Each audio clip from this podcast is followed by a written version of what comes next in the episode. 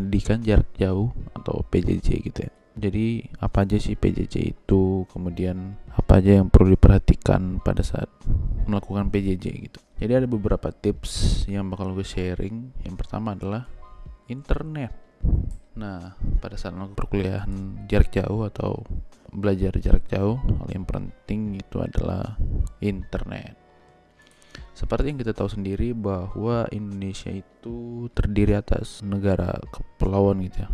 Kita itu punya banyak pulau, negara dengan seribu pulau. Sepertinya lebih pulaunya, cuman gitu istilahnya. Nah, masalahnya adalah di Indonesia itu sendiri uh, internet itu belum merata ya, terutama untuk jaringan 4G yang menjadi jaringan paling cepat saat ini yang available gitu sepertinya 5G udah ada cuman di Indonesia belum bisa karena 4G-nya belum belum merata gitu ya. Jadi buat teman-teman yang memutuskan untuk bukan sih bukan memutuskan sih yang harus terpaksa untuk melakukan kuliah online atau perkuliahan jarak jauh atau yang sekolahnya masih SMA gitu ya yang belajar jarak jauh dari rumah pastikan kalian punya koneksi internet 4G Iya, karena ada beberapa kasus teman-teman saya gitu ya yang uh, kuliah jarak jauh yang pulang kampung mereka nggak punya jaringan gitu. Sampai ada yang naik atas genteng nyari bukit gitu ya naik gunung. Mau kuliah naik gunung padahal cuma udah SKS gitu kan sayang banget gitu. Yang kedua adalah device ya pastikan kalian punya device kayak sebenarnya smartphone juga juga udah cukup sih. Cuman pastikan smartphone kan juga support gitu.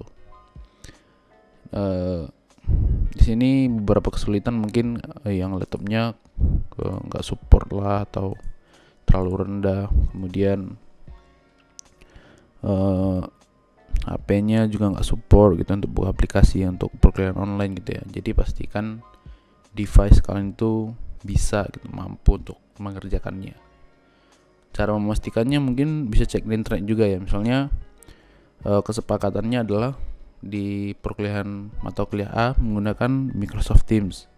Contoh jadi pastikan HP kalian itu bisa download Microsoft Teams bisa dibuka bisa upload file dari smartphone kalian dan laptop juga, laptop kalian juga seperti itu gitu. Ketiga tipsnya adalah jangan males-malesan. Nah ini nih E, bedanya yang tatap muka dan jarak jauh seperti ini adalah hmm, integritas kita benar-benar diuji teman-teman. Jadi pastikan kalian itu jangan bermalas-malasan. Seharusnya lebih produktif dengan jarak jauh seperti ini kalian bisa menjadi semakin lebih mengembangkan diri kalian, potensi yang ada gitu. Manfaatkan waktu dengan baik, maksimalkan seharusnya lebih banyak hal yang bisa kalian lakukan di saat-saat seperti ini. Bukan menjadi semakin tidak produktif gitu. Kemudian hal lainnya adalah uh, tips keempat ya. Tips keempat itu ya bersemangat lah. Gali potensi diri lakukan hal lain. Misalnya kayak memasak buat resep baru buat kegiatan bikin podcast kayak gini ini karena gabut sih. Uh, jadi bikin podcast juga bisa. Bantu orang tua bagian pulang di rumah cuci piring ngepel terus siram tanaman cuci baju terus manfaatkan waktu dengan keluarga dengan baik. Uh, spend quality time-nya lebih banyak jadinya ya. Misalnya kayak sharing bareng cerita. Main TikTok juga bisa sih. Itu hal yang menghibur kan tujuannya.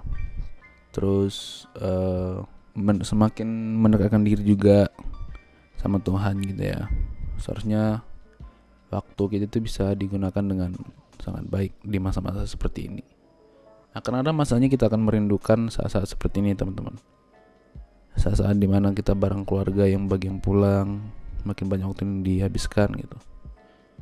Uh, aku pribadi percaya kalau hmm, masa-masa hmm, seperti ini akan berakhir gitu ya. Dan ingat tetap social distancing kita semua merasakannya bukan hanya di Indonesia saja tapi di seluruh dunia teman-teman. Jadi mari kita sama-sama bekerja sama untuk uh, sama-sama jaga jarak tetap di rumah di rumah aja stay safe work from home god bless you all. Thank you